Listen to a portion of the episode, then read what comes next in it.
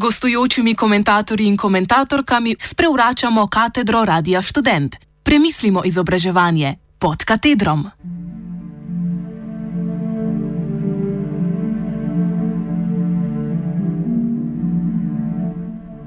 V obrambo avtonomni univerzi.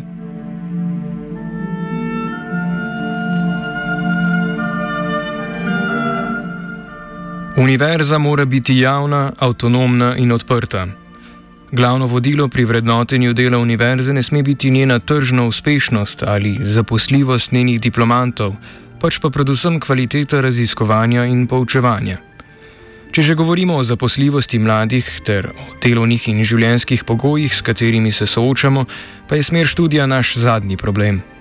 Današnji premislek je pomemben, ker je premijer Jan Janša zahteval, da se pred razglasitvijo števila upisnih mest pregleda zaposljivost študentov, s čimer namiguje na drugačno politiko sprejemanja odločitev v visokem šolstvu.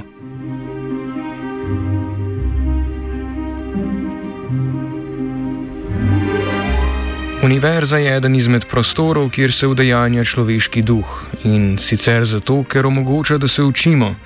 Ne samo zato, ker bi radi dobili službo, pač pa zato, ker nas študij zanima ker omogoča, da raziskujemo. Ne samo zato, da bomo ustvarili boljši produkt, blago za na trg, pač pa zato, da širimo korpus človeškega znanja, civilizacijsko dediščino. Večina naših opravil služi vnaprej in odzunaj določenim namenom.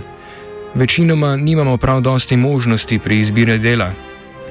In večinoma delamo preveč za premalo denarja.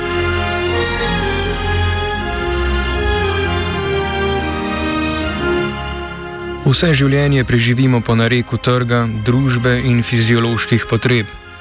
Tistih nekaj let študija je brško ne edini čas, ko se lahko celostno, z vsem srcem in unemo posvetimo samo aktualizaciji. Ta privilegij je bil včasih zagotovljen samo malo meščanom in buržoaziji, ki je imela čas in denar za mecenstvo, znanost in kulturo. Ideja javne univerze in brezplačnega študija je, da to možnost podelimo vsem. Gre torej za izrazito humanističen projekt.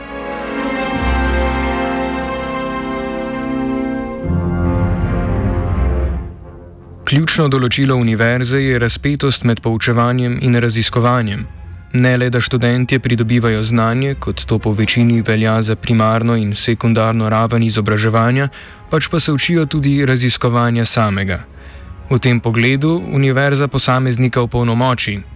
Nič več ni le inerten stroj, ki po nareku prebavlja informacije in se priuči enostavnega delovnega procesa. Ne, sposoben postane vednost tudi ustvarjati, ne zgolj prejemati.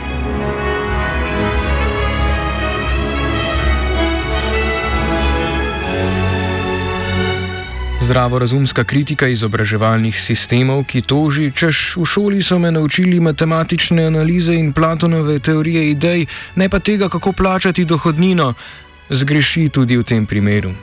Govorim seveda o argumentih, da je univerza premalo praktična. Poanta univerzitetnega upolnomočenja ni toliko v tem, kaj študiraš in kaj praktičnega se naučiš, pač pa prej v samostojni, kritični obravnavi informacij.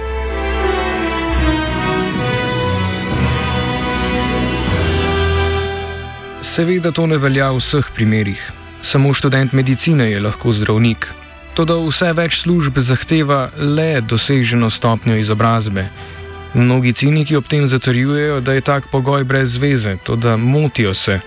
Ravno s pridobljeno univerzitetno izobrazbo posameznik dokaže, da je sposoben samostojno in kritično operirati z novimi informacijami. Rečeno drugače, če šola dobro opravi svojo nalogo, bo posameznik sposoben sam ugotoviti, kako se plača dohodnino.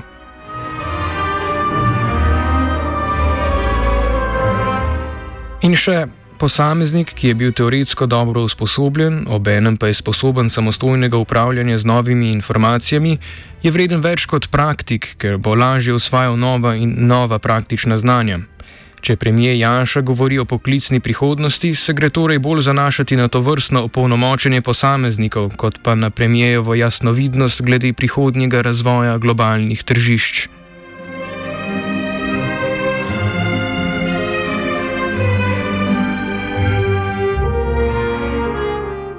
Na zadnje nas to privede do poante, da je v resnici ravno kvalitetna, javna in avtonomna univerza koristna za vso družbo.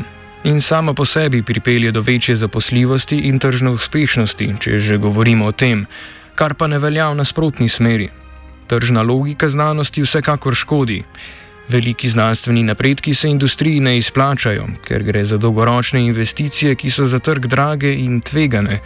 Elektrika, na primer, se na prostem trgu ne bi razvila, ker je minilo najmanj stoletje, v katerem se je zvrstilo mnogo različnih znanstvenikov, preden je postala godna za na trg. Glavni razlog za njen razvoj torej ni bila tržna inicijativa, pač pa človeška radovednost.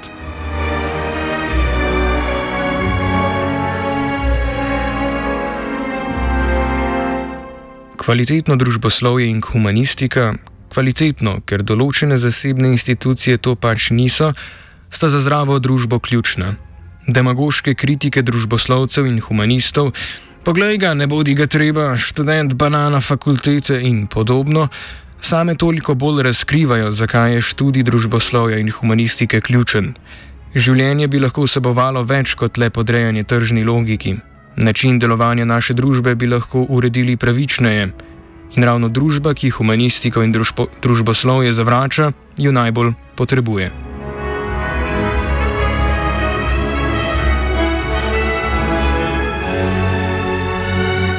Družboslovci in humanisti pa so tudi tisti, ki opozarjajo na resnične razloge za brezupno prihodnost naše generacije. Argument, da se nam godi slabo, ker se upisujemo na napačne fakultete, je brez osnove. Prvič, dejanski podatki o zaposljivosti ne kažejo na hude neusklajenosti med potrebami trga in izbiro študija. Drugič, tudi če bi takšna neusklajenost obstajala na tako trivialni in banalni ravni, lahko verjetno sklepamo, da bi se trg popravil sam od sebe. Vse veste, ponudba in povpraševanje.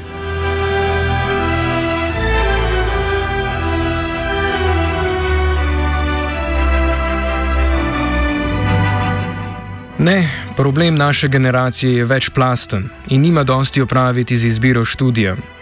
Prvič, nove oblike dela, predvsem mlade delavce, postavljajo v slab položaj. S prekarizacijo in vsem, kar pride zraven, se plače in delovni pogoji za večino mladih slabšajo, kar ni odvisno od panoge. Mimo grede, ravno družboslovci in humanisti so bili prekarci že veliko prej, kar pomeni, da so delali v slabših pogojih kot recimo inženirji arhitekti recimo že v 90-ih. Ko govorim o prekarnosti, govorim seveda o nizkih plačah, o konstantnem fleksibilnem delu in podobnem.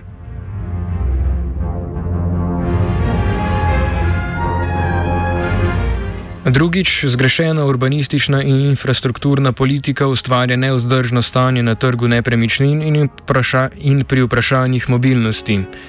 To povzroča bizarnosti, kot je 400-evrska najemnina za garsonjero v Šentvidu in podobno. Recimo še tretjič, globalni problemi neenakosti in okoljskih sprememb pripravljajo potencijalno distopično prihodnost.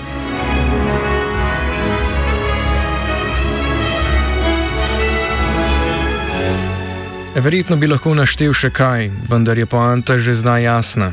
Problemi, ki jih mladi v resnici imamo, niso povezani z izbiro študija, pač pa so popolnoma druge sorte. Ironično, ravno ti problemi terjajo največji angažma družboslovcev in humanistov, tako da je poteza razvrednotenja družboslovja in humanistike, če zares dokončno uspe, v resnici strel v koleno in nikakršna optimizacija.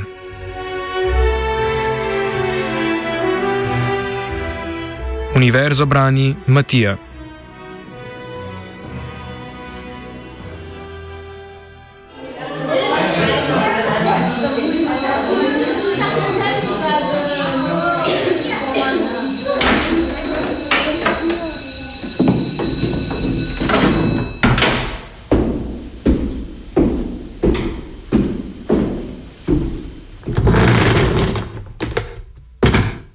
Gostujočimi komentatorji in komentatorkami sprevračamo katedro Radia Student. Premislimo izobraževanje pod katedrom.